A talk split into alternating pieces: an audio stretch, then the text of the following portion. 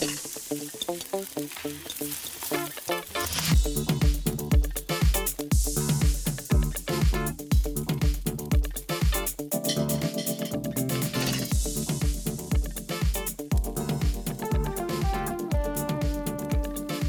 לכם וברוכים הבאים למדברים בשר, פודקאסט או הסכת הראשון בארץ על בשר. פודקאסט שבו כל פרק יפתח לכם את התיאבון מחדש, לי בטוח, וייתן לכם את הכלים לקנות, להכין ולהבין בכלל מה זה בשר. אני עמית מזרחי, קצב ואיש של בשר, מוזמנים לעקוב אחריי באינסטגרם לעוד תכנים ושאלות a מקף תחתון מיט נקודה m.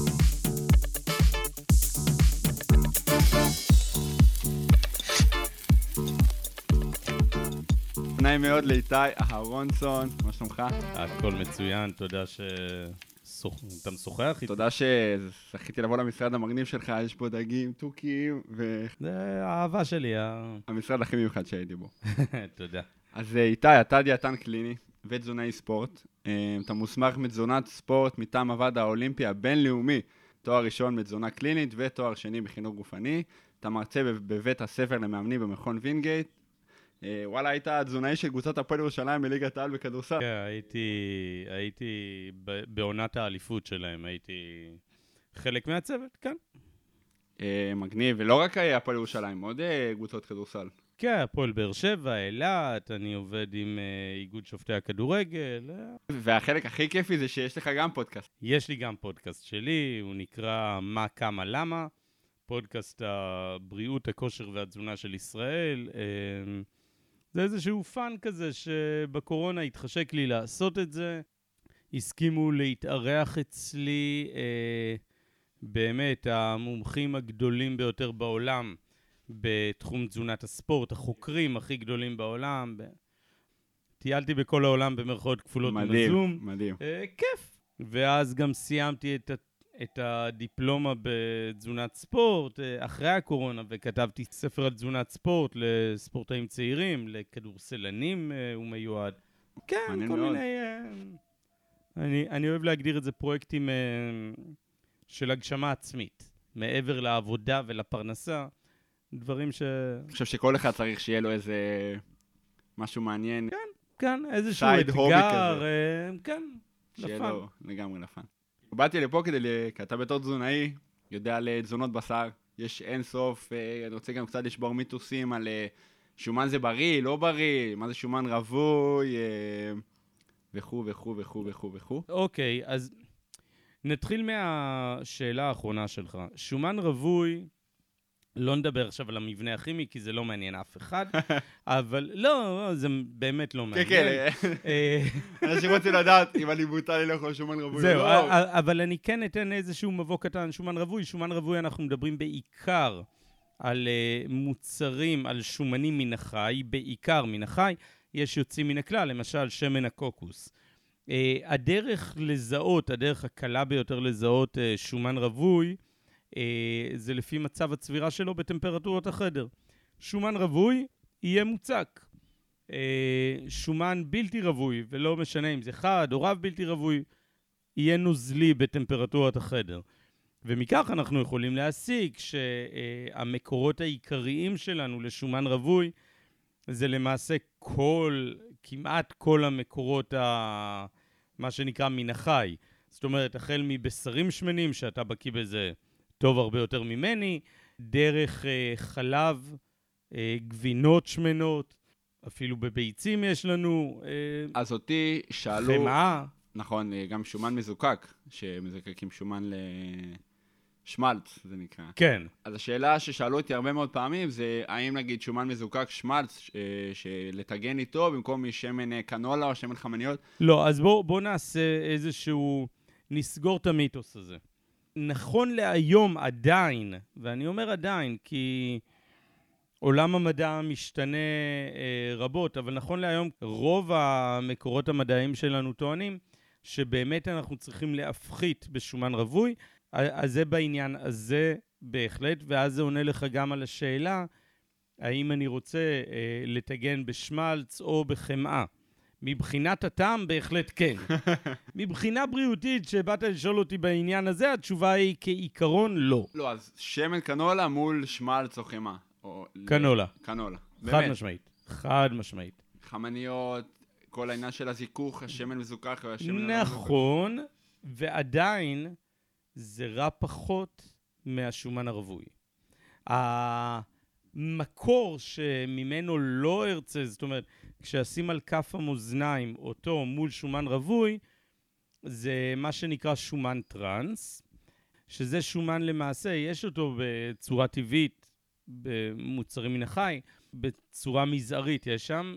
שומן טראנס הוא שומן למעשה שלקחו אה, שמן בלתי רווי והפכו אותו למוצק בטמפרטורות החדר על ידי איזושהי מניפולציה, כאשר אנחנו יודעים שאותו שומן טראנס אה, נמצא בעיקרון אה, במרגרינות ובכל מוצרי המאפה, אני קורא לזה הנחותים.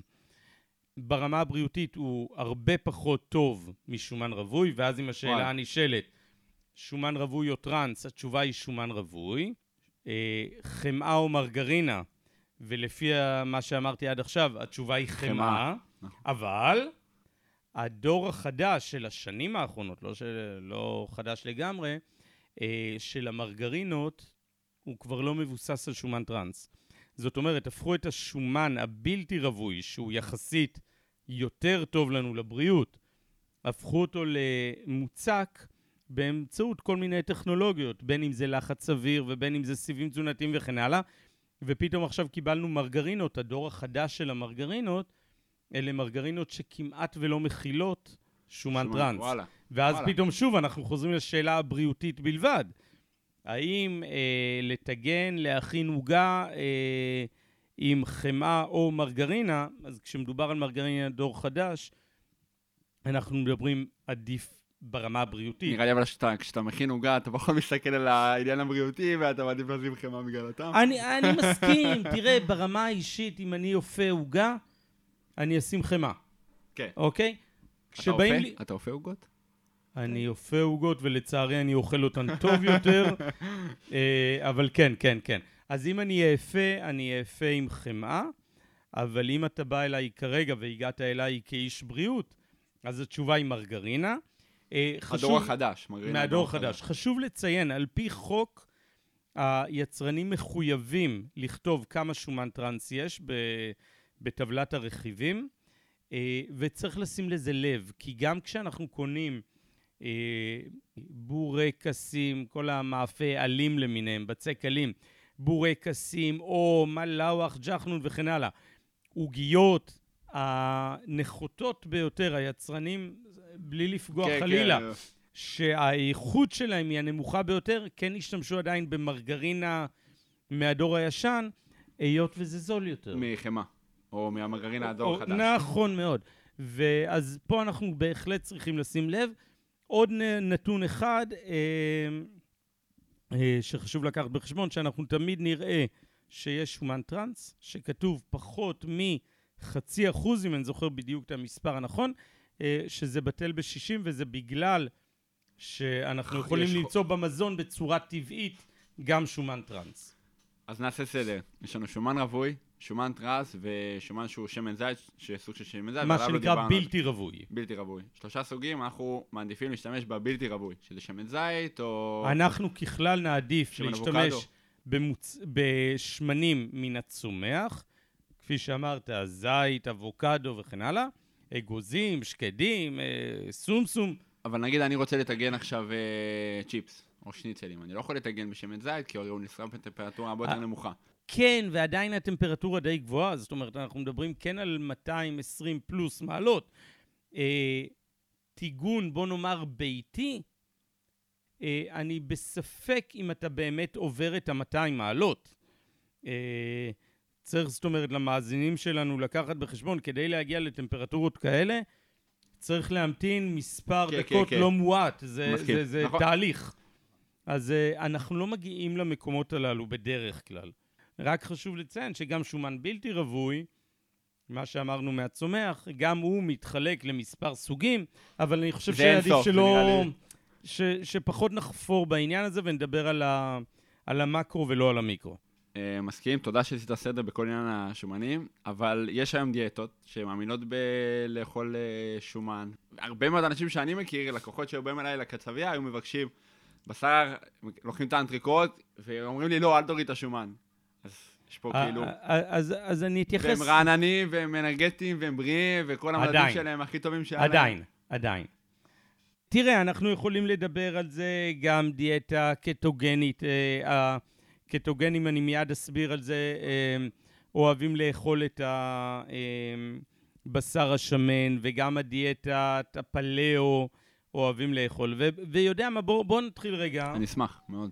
אה, מדיאטת הפלאו. דיאטת הפלאו זה על שם התקופה הפלאוליתית, האדם הקדמון. מה הם. אוכלים, מה הם לא אוכלים? אה, הם לא אוכלים בשר, אה, אוכל מעובד, דגנים הם כמעט ולא אוכלים, אה, הם, הם אוהבים להתבסס על בשר ועל כל סוגיו, בוא נאמר זאת כך. ביצים, עוף, אה, בשר בקר. כן, כן, שוב, יש הרבה אה, ורסיות גם, אני לא אוהב אה, להתחייב, כי אה, זה שונה. אבל הטענה שלהם זה שבדיאטה הפלאוליטית מותר ואף רצוי לאכול שומן מן החי. מקורות בשר שמנים, ובכלל הם קונים שומן כשומן לאכול, איזה יופי טעים. אכן טעים. אה, אני אישית לא אוהב, דרך אגב. וואלה. לא אוהב. אני... דיברנו על זה קודם. תן לי בשר, אחי. well done, אמרת well done. אמרת את זה הכי בקול. סוליה שיש, כן, ואם אני אוכל בשר עם שומן, אני אחתוך את השומן ואוציא אותו, כן, כן. כי אתה אני- לא אוהב. אני לא אוהב, וואלה. כן. אנחנו אה, עוד נעבוד על זה. אה, אני עדיין מחכה לצ'ימיצ'ורי והקונפישום, אבל... אה, אבל לענייננו, אה, הפלאוליטים לוקחים, שוכחים כמה דברים ב, ב, במסגרת המחשבה שלהם. הם אומרים, תקשיב, איתי, האדם הקדמון, לא היה לו מחלות לב. וזה נכון, האדם הקדמון, אבל מת בגיל 40. זאת אומרת, תוחלת החיים הייתה 20, 30, 40 שנה זקנים מאוד.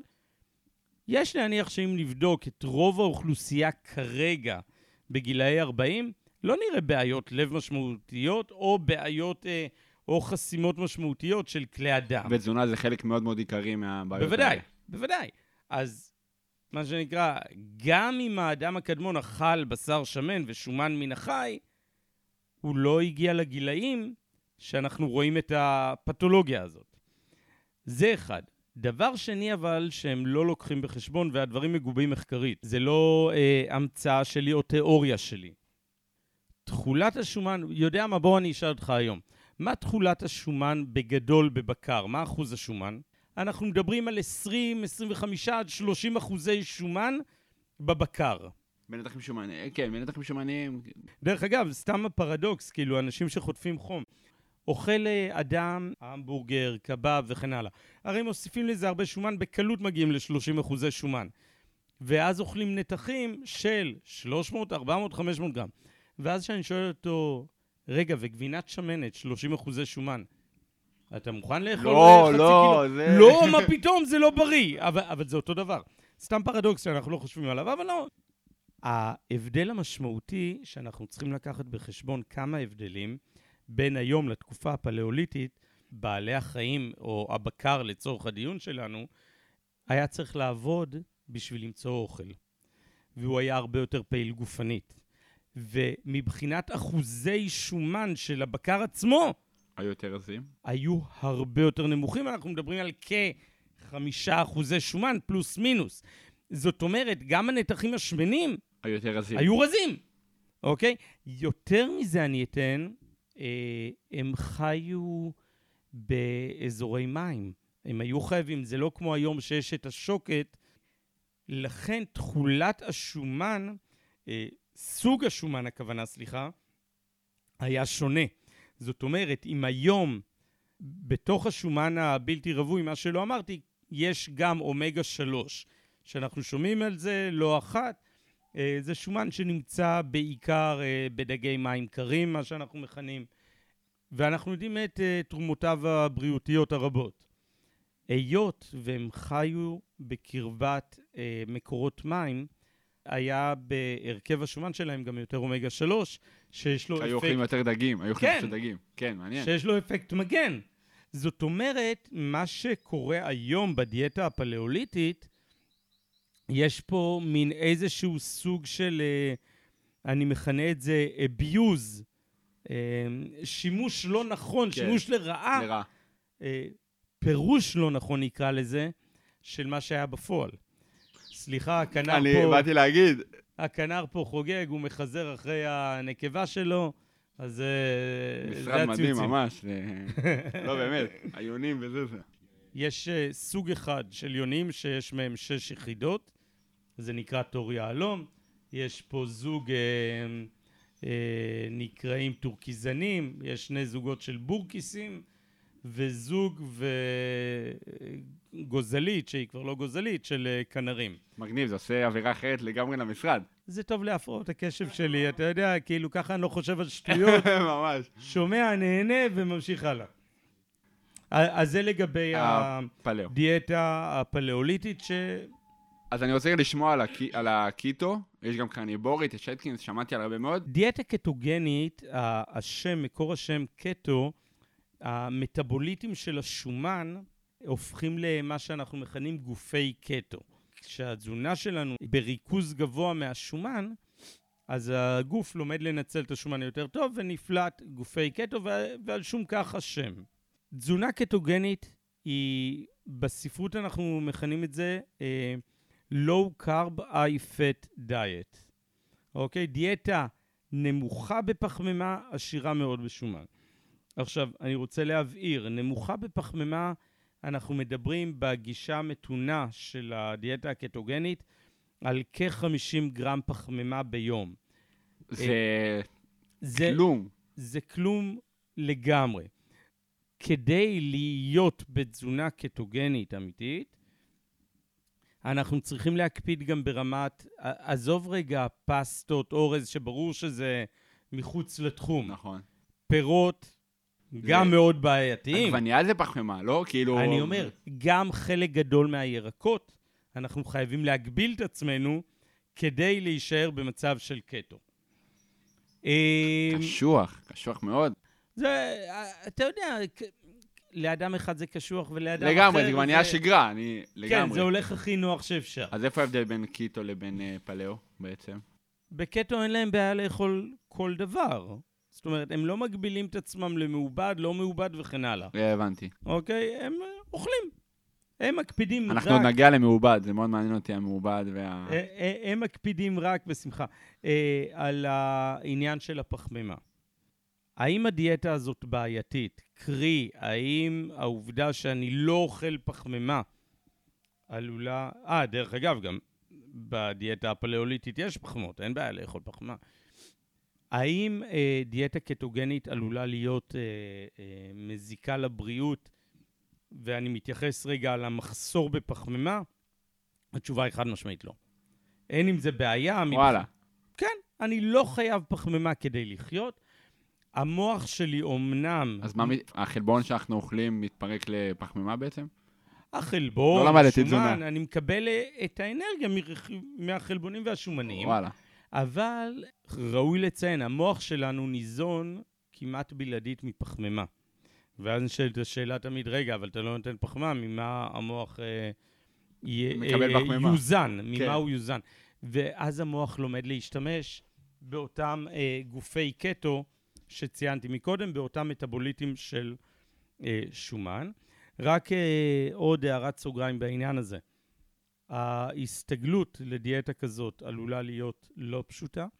זאת אומרת, הרבה פעמים כשאנחנו חותכים כל כך את, אה, את רמת הפחמימה, אה, יש תופעות לוואי של עצבנות וכאבי ראש וכן הלאה, אז הוא, הוא מגיב, הוא לא אוהב את זה. תקופה קטוגנית עלולה להיות אה, מלווה באבל נשימה מאוד לא נעים. אחד מגופי הקטו זה הציטון, והוא נפלט בנשימה. וזה... סליחה, אתה אמרת שבפלאו יש פחמימה. כמה, כאילו, כמה שרוצים, אז הם לא, הם לא ההמבורגרים, מגבילים כאילו, אני את מנסה זה. להבין. כן, הם לא מגבילים את זה. הם לא מגבילים את העניין של, ה... של הפחמימה, ובתנאי שזה עומד בכללים שהם קבעו לעצמם, של הפלאו. פה אני מוגבל חד משמעית, כי גם ברמה הפיזיולוגית, אם אני אוכל יותר מדי פחמימה, אני לא אכנס למצב של קטו. למצב של קטוזיס, מה שנקרא. אה, אז בריאותית אין לנו בעיה עם זה. אין בעיה עם מחסור בפחמימה. איפה הופכת להיות בעיה? שוב, אם אני מבסס את הצריכת שומן הגבוהה שלי בתזונה, אם אני מבסס את זה על שומן מן החי, בשרים שמנים וכן הלאה, פה אכלתי אותה. כן. אוקיי, פה העליתי את הסיכון הבריאותי, פה הדיאטה הופכת להיות אה, פחות איכותית ברמה הבריאותית. אני לא אוהב להשתמש במונח בריא ולא בריא. בריא זה אה, כל כך הרבה פקטורים משפיעים על בריא, אז אני קורא לזה איכותי או לא איכותי ברמה הבריאותית. אם אני מבסס את זה על שומן מן החי, אז כן, אה, זה על הפנים ברמה הבריאותית. אבל אפשר לבסס גם דיאטה כזאת אה, על שומנים מן הצומח. אגוזים, שקדים למיניהם, טחינה גולמית, אה, לא, לא חסר, אבוקדו, אה, זיתים וכן הלאה, ואז אני יכול אה, לצרוך דיאטה לא רעה בכלל ברמה הבריאותית. שוב, הכל פונקציה בסופו של יום של איך אתה עושה את התזונה. גם תזונה פלאוליטית יכולה להיות מצוינת.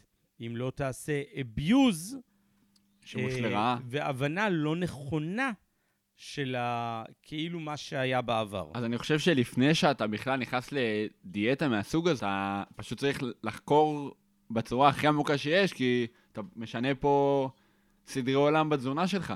בוא, פה אתה נכנס כבר לעולם אה, שלם. כי... אה, זו דעתי, כמובן. לא, לא. לא, לא, לא, אני מסכים. תראה, כל שינוי בריאותי באורח החיים צריך להיעשות בצורה מפוקחת. לא מפוקחת הכוונה עם כף ולא בהכרח עם קוף. כן. אה, כי אני צריך לדעת לאן אני נכנס ולמה אני נכנס. בוא, אני אתן את הדוגמה הפשוטה. הגיעה מטופלת שהתזונאית נתנה לה דיאטה קטוגנית. ואותה אחת הביאה עוד חברות עוד לפני שהתחילה, והיא אומרת, איתי, כולנו עצבניות, כולנו לא מתפקדות. אז הפסקנו. רק הדיאטנית שכחה להגיד שזה חלק מתופעות הלוואי שעלולות לקרות בהתחלה. אוקיי, אז צריך את העניין של... כאשר אתה אומר לחקור, פה אנחנו נכנסים לעולם אחר, ללמוד ממי, לחקור ממי. באינטרנט, כמות השטויות הכתובות מסכים. היא, היא בח- אינסופית. בכל תחום. כן, דרך כן, אגב. כן, כן, כן, אני אומר, ואיך אני אומר, אם אידיוט כמוני יכול לכתוב באינטרנט, אז יש עוד הרבה אידיוטים שכותבים שם.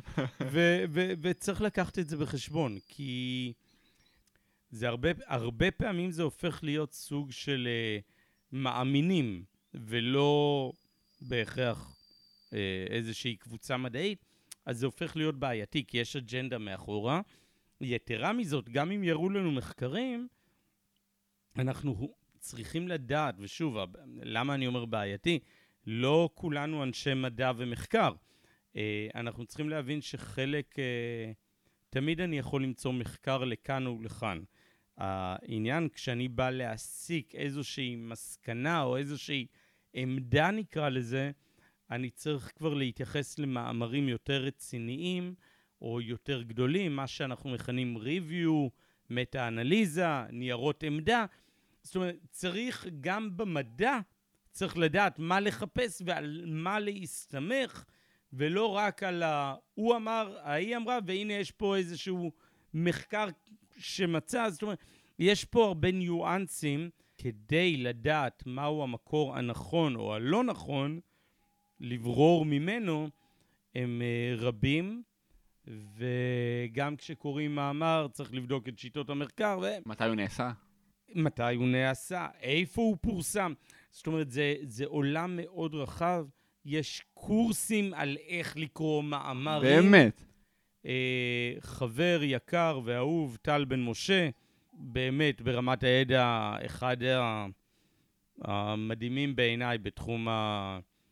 הכושר וגם התזונה בארץ, אה, מעביר על זה קורס שלם, שמלמד קורס קריאת מחקרים.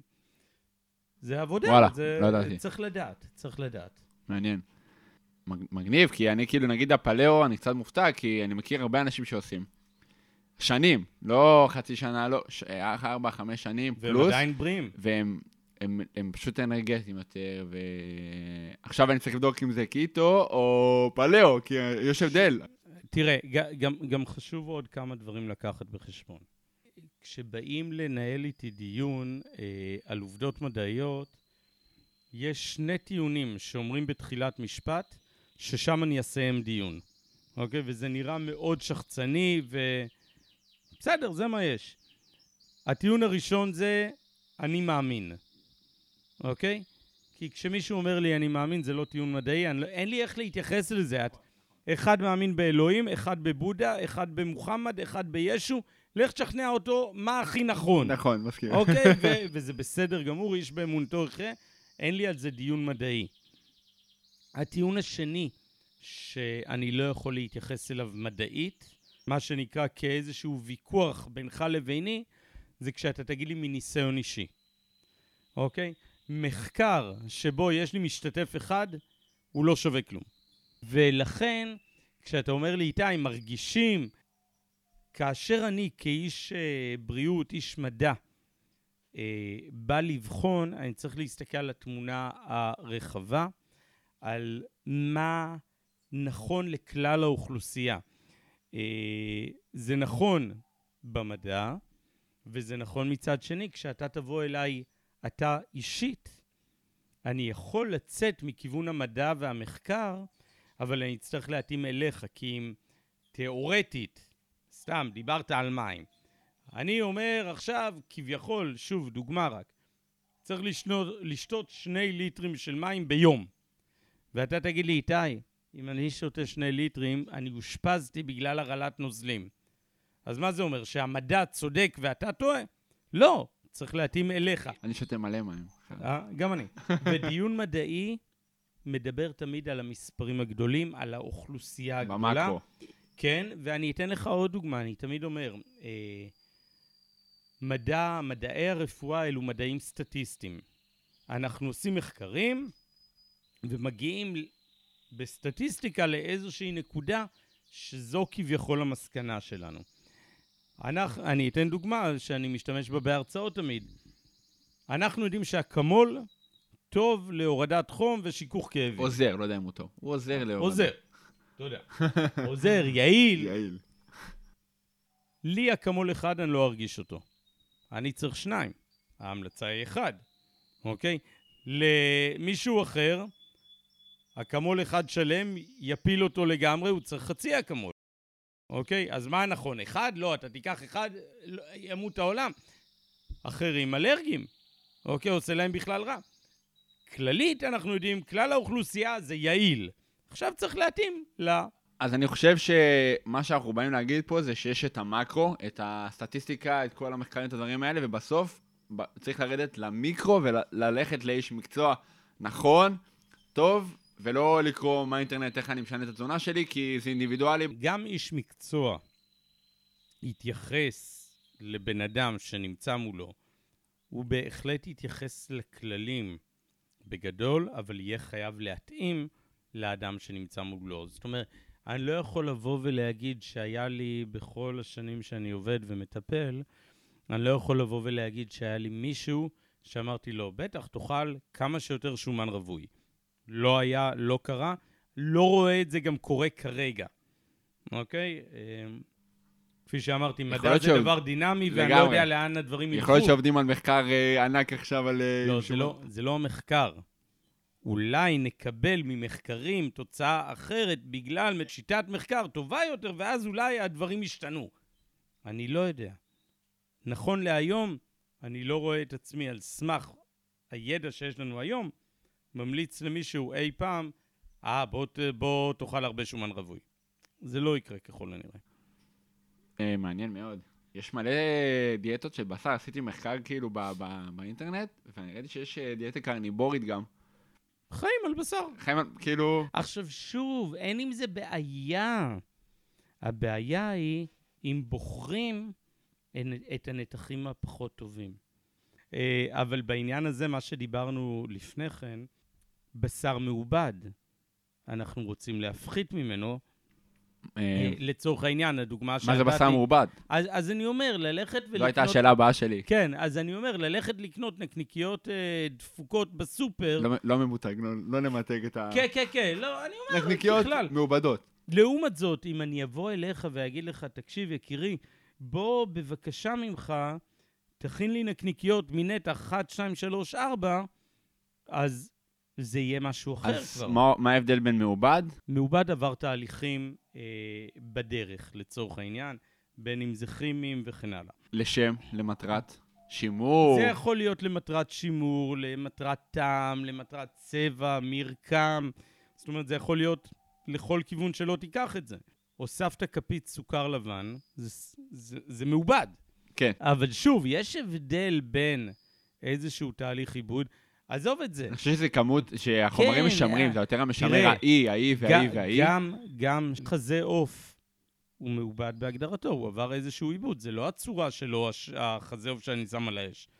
לקחת את החזה עוף, פרסת אותו, דפקת עליו. אז זה לא על זה אני מדבר. אני מדבר בעיקר על המזונות האולטרה מעובדים, אוקיי? אותם אלה שעברו הרבה תהליכים בהכנה שלהם, עוד לפני הצרכן הסופי. אה, עליהם אני מדבר בעיקר. התוספות למיניהן. איך אני יודע שהוא מעובד בצורה שאתה מדבר עליה? אני רואה חומר, מש- הרבה חומרים משמרים. אז, אז אני אומר, ככלל, כשאתה קונה איזשהו מוצר, תבדוק את רשימת הרכיבים. ככל שהרשימה ארוכה יותר, לגמרי. ככל הנראה הוא פחות טוב, אוקיי? ואז אם אני חוזר לדוגמה שדיברנו מקודם, אותה נקניקייה. יש פער מאוד משמעותי בין אותה נקניקייה שככל הנראה קנית בסופר, שעברה המון תהליכים והוסיפו המון המון חומרים, לבין אותה נקניקייה שלקחת שני נתחים שביקשתי ממך, קיבלת אותה תח- ונקנקת. כן, אני אומר, וטחנת, נקנקת ותענוג. אוקיי, נקנקת, איזה פועל יפה, זה רק, זה רק הצב יכול לחשוב על... זה אנשי בשר, אומרים לנקנק. אז אני אומר, אז, זה כבר עולם אחר, אז זה משהו אחר ברמה, ברמת העיבוד. אה, אבל אם אנחנו מדברים על נקניקיות, צריך לשים לב שוב, כפי שדיברתי מקודם על בשר טחון, כמה שומן אנחנו מוסיפים פנימה. מה שנקרא, לא סתם הנקניקייה מתפוצצת, ולא סתם הנקניקייה אה, על, ה, על הגריל מדליקה לנו את הפחמים. יש סיבה לכ- לכל הדברים הללו, וזה נקרא שומן בעיקר. אז יש יתרונות בלאכול שומן? לקרדיולוגים יש יתרון, כשאחרים אוכלים שומן. אה, שומן רווי לא. לא רואה יתרון. ישנם מוצרים שמכילים שומן רווי ועוד רכיבי תזונה, ואז אני אוכל אותם גם. למשל, חלמון הביצה. אוקיי. יש שם שומן רווי, אבל יש שם עוד ויטמינים שאני רוצה לקבל, ואז אני יכול לחיות גם איתו. לא, למרות שאתה לא יכול להגיד עכשיו לבן אדם, "אתה- אל תאכל המבורגר, אל-" כמו אני כל אני- דבר בחיים, לאזן. מינון. איזון, מינון, לגמרי. אה, אמרנו את אותו דבר במילים אחרות. ואני חושב, דעתי האישית זה לאזן. אני יודע שאם אני אוכל הרבה מאוד בשר היום, אז אני יודע שאני בשבוע הקרוב, בימים הקרובים, משתדל לא לאכול, כי זה מעייף אז, אותי. אז א', המפתח הוא מינון, מינון. כמה אנחנו אוכלים, ב', להקפיד על הדברים האחרים החשובים לנו. כמו? זאת אומרת, מקורות שומן איכותיים אחרים, אומגה, צריכת אומגה 3, פעילות גופנית, פעילות גופנית בכלל, אירובית בפרט, אה, אה, צריכה מספקת של ירקות, פירות, אה, הפחתת אה, אה, מזון, אה, כפי שאמרנו, אה, אה, מתועש, מעובד. זאת אומרת, יש כן דברים שאנחנו צריכים להקפיד עליהם בהגדרה. בעולמנו הדפוק, אם דיברנו מקודם על, ה, על תזונת האדם הקדמון, אה, האדם הקדמון אכל כדי לספק את הצרכים הפיזיולוגיים של הגוף. במאה ה-20, 21, אוכל הפך להיות תחביב. בכל מקום שאנחנו הולכים, מפגשים חברתיים, זה מה כל שאתה דבר חושב, כן. זה לגמרי. מלווה באוכל, זה הפך להיות תרבות. רציתי להביא לך צ'ימיצ'ור וקונפישום, אתה מבין? כאילו, על זה ישר חשבתי, איך אני... מפנק אותך. עזוב את זה, רק רצית, ולא הבאת. פה, פה הבעיה. אני עוד אגיע לרעננה ואביא לך את. אני. אשמח, תודה. אבל אני אומר, זה הפך להיות תרבות, זה הפך להיות תחביב. אני בספק כמה היינו מוצאים foodies, אנשי, אנשים חובבי אוכל, בתק- בתקופה הפלאוליתית של האדם הקדמון. אז הם אהבו שהיה אוכל.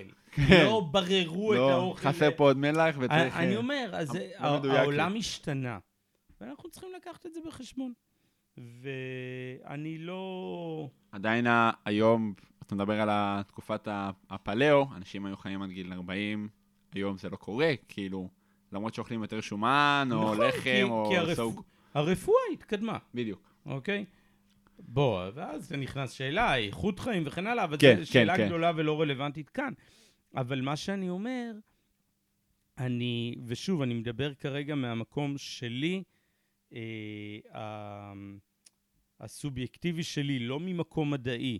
אני לא חושב שיש סיבה לחיות בסגפנות, אני חושב שיש סיבה לחיות באיזון. אז כמינון, כן, כמו אוקיי. שאמרת. איזון, מינון, הכל. מותר לאכול הכל מהכל. ישנם כאלה שאנחנו רואים שחיים מעשנים וכן הלאה, וחיים עד גיל 100, וכאלה שבגיל 60 סרטן הריאות ונגמרו. רק בשורות טובות, רק בשורות אה? טובות. רק כן, בשורות כן, טובות. כן, כן, אני אומר, אז, אז, אז, אז אי אפשר, אנחנו מדברים על הסתברויות. כן, כן. כן, כן. אז דיברנו על אה, שומן. אני רוצה לעבור לבשר. על למה זה חשוב גם לאכול. תראה. בשר, בוא, בוא ננטרל רגע. אני חייב רגע לתת לך דוגמה לפני שאתה זה. אה, באו אליי לקצבייה, מישהי שהיא הייתה צמחונית, טבעונית אני חושב, הרבה מאוד שנים, והיא לא הצליחה להעלות את הברזל שלה. ניסתה הכל, טבעונית וזה, היא באה אליי לקצבייה, אלינו לקצבייה, וביקשה משהו להכין קציצות. לא היה לה מושג לא כלום, הבאתי לה 200 גרם בשר טחון. והיא חזרה שבוע, שבועיים אחר כך, והיא אמרה שזה הדרך היחידה שלה הייתה להעלות את הברזל שלה. האנקדוטה בעניין הזה, אני לא אשכח. עשיתי סטאז' בית חולים מאיר, אה, טיפול נמרץ, מזהירים אותנו, אני צמוד לדיאטן, דוד, איש חמוד לאללה, ליצן אמיתי, ליצן כי הוא איש מצחיק. יש פה חולה, טיפול נמרץ, אני מזכיר, הוא חייב עוד הרבה חלבון, הבעיה שהוא טבעוני. דוד, היחיד בארץ שמסוגל לעשות, נכנס אליו, תקשיב, צריך לתת לך חלבון. מה הסיכוי שאנחנו יורדים לאיזה שבועיים מהטבעונות הזאת שלך? ההוא לא זרם. גם לא העריך את ההומור, אני חייב לציין. וואלה. תראה, ישנם רכיבי תזונה שאני יכול לקבל רק מהחי, מהבשר לצורך העניין, וישנם כאלה שאני יכול לקבל איכות גבוהה מן הבשר. אה, כאשר אני לרגע מנטרל מהבשר בדיון כרגע את השומן הרווי, ואני מנטרל את העניין של כן נותנים אנטיביוטיקה, לא נותנים אנטיביוטיקה, כן נותנים הורמוני גדילה, לא נותנים הורמוני גדילה. אני אומר, אה, הסיבה שאני מנטרל את זה, הכי אמיתי, אני לא בקיא בזה. אני מכיר את האגדות הללו, לא יודע האם אלו אגדות אורבניות, לא אגדות אורבניות, האם באמת נותנים כמויות שעלולות להיות קטלניות אחר כך? אתה מדבר על אנטיביוטיקה והורמונים? כן. אני אומר, לא יודע, אני לא בקיא בזה, אני גם לא יודע איך זה שורד אחר כך חום כשאני מבשל, לא יודע, אומרים, ולכן ש... אני לא נכנס לזה. יש כאלה שהרבה מאוד מגדלים בארץ, שאני יודע בארץ, לא יודע בעולם, שלא נותנים אנטיביוטיקה מנטית, א', זה מאוד יקר, קודם לתת אנטיביוטיקה, והשבועות או חודש לפני השחיטה, לא נותנים, אנטיביוטיקה כדי שלא יהיה אנטיביוטיקה ב... זה בקטע הזה, אז אני שואל על בשר, אז- נשים אז- בצד אז אנטיביוטיקה. אנחנו מנטרלים רגע את הגורמים. הללו, אה, שאלה גורמים שאני לא יודע, ועל שומן רווי דיברנו. יתרון של בשר ברמת האבות מזון הגדולים, המקרונוטריאנטים, תכולת החלבון. תכולת החלבון שם גבוהה מאוד, וחלבון שהוא איכותי מאוד, הוא מכיל למעשה את כל, אני, אני אקח צעד אחורה, חלבון בנוי מחומצות אמינו, חומצות אמינו מתחלקות לשתיים, אה, לשני, שתי קבוצות למעשה. קבוצה אחת זה חומצות אמינו שהגוף יודע לייצר לבד, ולכן אני לא חייב לקבל את זה מבחוץ. מה שנקרא חומצות אמינו לא חיוניות. לעומתן, יש לנו חומצות אמינו שהגוף לא יודע לייצר בעצמו, ועל כן חייב לקבל מבחוץ, ואלו חומצות אמינו חיוניות. בבשר, עופות, יש לנו את כל חומצות האמינו החיוניות, וזה מה שמכונה חלבון מלא. אז זה יתרון אחד גדול. ריכוז החלבון יכול להיות מאוד גבוה יחסית. זאת אומרת, אם ניקח חזה עוף, 100 גרם חזה עוף עשוי להכיל לי כ-22-25 גרם חלבון, כאשר בקלוריות הוא מכיל 100 גרם כ-130 קלוריות. אם ניקח את זה, אנחנו מגיעים ליחסים מאוד גבוהים של חלבון. אוקיי? לעומת, שזה... הקל... לעומת uh, קלוריות. לעומת מוצרים אחרים. כן. בטח לעומת צומח. כן, כן, אוקיי? כן. שאין לי פה מה... זה לא... זה לא אותם סדרי גודל. בנוסף לזה, כשאנחנו מדברים במיוחד על הבקר, אה, תכולת הברזל וה-B12 אה, אה, הן יחסית גבוהות שם. מילה על אה, B12. זהו. B12, האמת, גם ברזל, גם B12. B12 הוא ויטמין אה, שיש לו המון תפקודים בגוף.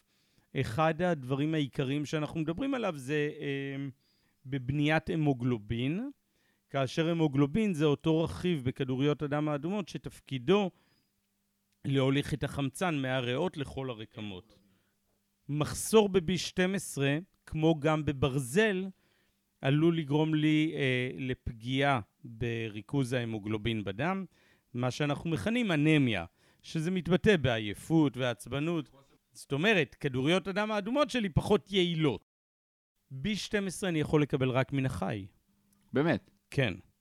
כאשר ברזל אני יכול לקבל גם מהצומח, קטניות, ירוקים למיניהם, אבל הספיגה מהברזל הרבה פחות טובה, אוקיי? זאת אומרת, אה, אותה גברת שהגיעה אליך וטעמה את הבשר, היה לה קשה בת, בתזונה הצמחית לקבל את אותם רכיבים שהיא כן קיבלה מהבשר. היא תמיד יכולה לקחת תוספים למיניהם, אבל, אה, כן. אבל, אבל זה משהו לא, אחר. יכול להיות שזה לא עזר לה, אני לא יודע. אה, לא, לא, לא רלוונטי, זה לא, זה לא האישו. אם זה לא עזר, זה לא יעזור מהתזונה, אבל אה, עזוב.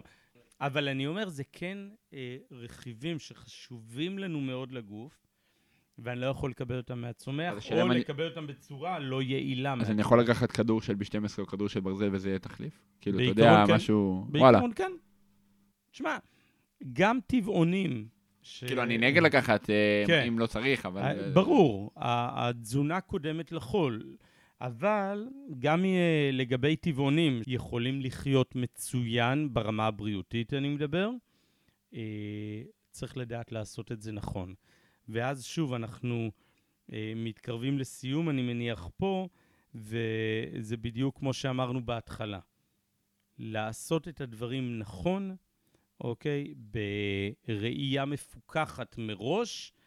אה, במינון? שוב, בכף, ומשם להיכנס למינונים, ומהמקום הזה לחיות בריאים עם חיוך על הפנים. אני רוצה עוד כמה מילים, אני רואה, הנה, אני מסתכל פה על השליפים שלך, על המחשב. חשוב שיהיה. אה, אם על- דיברת על הפרעות קשב, אני לא, חייב לא, שיהיה בסדר לי. כוכביות כאלה. אני כן רוצה רק עוד מיתוס אחד. א', מיתוס שהיה, אה, שרווח בעבר, שאנחנו לא יכולים לספוג יותר מ-20, 25, 30 גרם חלבון בארוחה, הופרך מזמן, אנחנו נספוג, זה לא ילך לש, לשום מקום. אז אני יכול לאכול כמה חזב שאני רוצה ופשוט לקבל את כל החלבון. אתה תקבל את כל וואלה. החלבון, הוא בהתחלה ייעצר באלף בכל מיני uh, רקמות, והוא ישוחרר לרקמות בהמשך. Uh, זה אחד.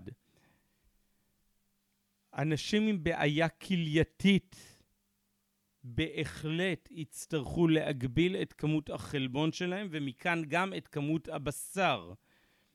בגדול, בגדול, הכליה שלנו יודעת אה, אה, לעבוד עם כמויות חלבון גבוהות, אוקיי?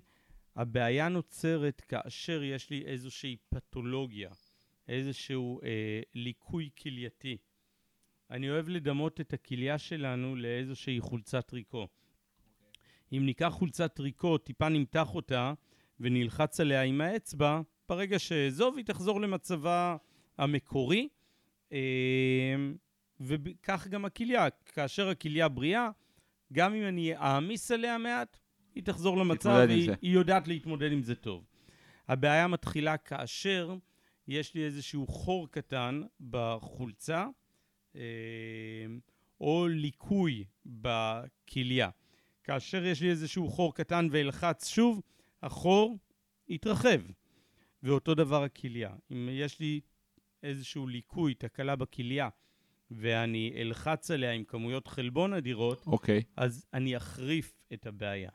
ואז אני אומר, בעניין הזה רק לשים לב מול מי אנחנו נמצאים, אוקיי? כי מה לעשות? צריך לשמור גם על הבריאות בין, בין לבין. שוב, גם חשוב להגיד שכל מה שדיברנו פה זה נורא אינדיבידואלי, ושלא אנשים... לאנשים בריאים. כן, לא, שאנשים לא יעשו החלטות מה, מהפודקאסט, שילכו לאיש מקצוע, ו, וחשוב להגיד, חד משמעית. זה, בסוף דיברנו על המקרו והכל, בסוף זה מיקרו, וצריך ללכת ל, לאיש מקצוע ולהתייעץ רפואה איתו. היא צריכה להיות אישית, ולא רפואת אינטרנט, ולא רפואת פודקאסט, כן. גם אינטרנט. לא, לא. רפואה זה דבר אישי וחייב להיות ולהישאר אישי. הייתם בתחום הבשר, אני מכיר הרבה אנשים שעושים קיטו ופלאו, ו... מסוכן, לא מסוכן. בסדר גמור, אבל מאוד יכול להיות. יכול להיות, תקשיב, הם עושים את זה באופן מאוד מאוד מאוזן, לא, תזונאי. גם- גם אל תשכח עוד אלמנט אחד. הרבה פעמים כשנכנסים לאיזוש, לאיזשהו אורח חיים ספציפי, וזה לא משנה אם זה קטו או פלאו וכן הלאה, אה, אנחנו מורידים הרבה מיני מזונות אחרים שעלולים לגרום לנו לתופעות פחות טובות. ובראשם, כפי שדיברנו, למשל, אותם מזונות מעובדים שאנחנו אוכלים הרבה, שזה יכול להתבטא בבורקסים ובחטיפים כן, כן. ובמתוקים וכן הלאה. פתאום אתה לא אוכל את הזבל הזה, ואתה אוכל יותר ירקות ויותר שומנים איכותיים ויותר חלבון. כן, אתה תרגיש יותר חיוני. זה מאוד uh, הגיוני. בסך הכל התחלת לשמור טיפה יותר על הזבל שאתה מכניס לגוף. כן, זה שזה חשוב, בסוף, בקצה. בוודאי. אה, איתי, תודה רבה רבה. אה, היה ממש כיף. היה גם כיף לי, ותודה תודה שנתת לי את ההזדמנות לארח אותך אצלי בקליניקה, אבל אתה נתת לי את ההזדמנות להתארח אצלך בפודקאסט. אז תודה משותפת. לגמרי. תודה. איתי אהרונסון, תודה רבה רבה.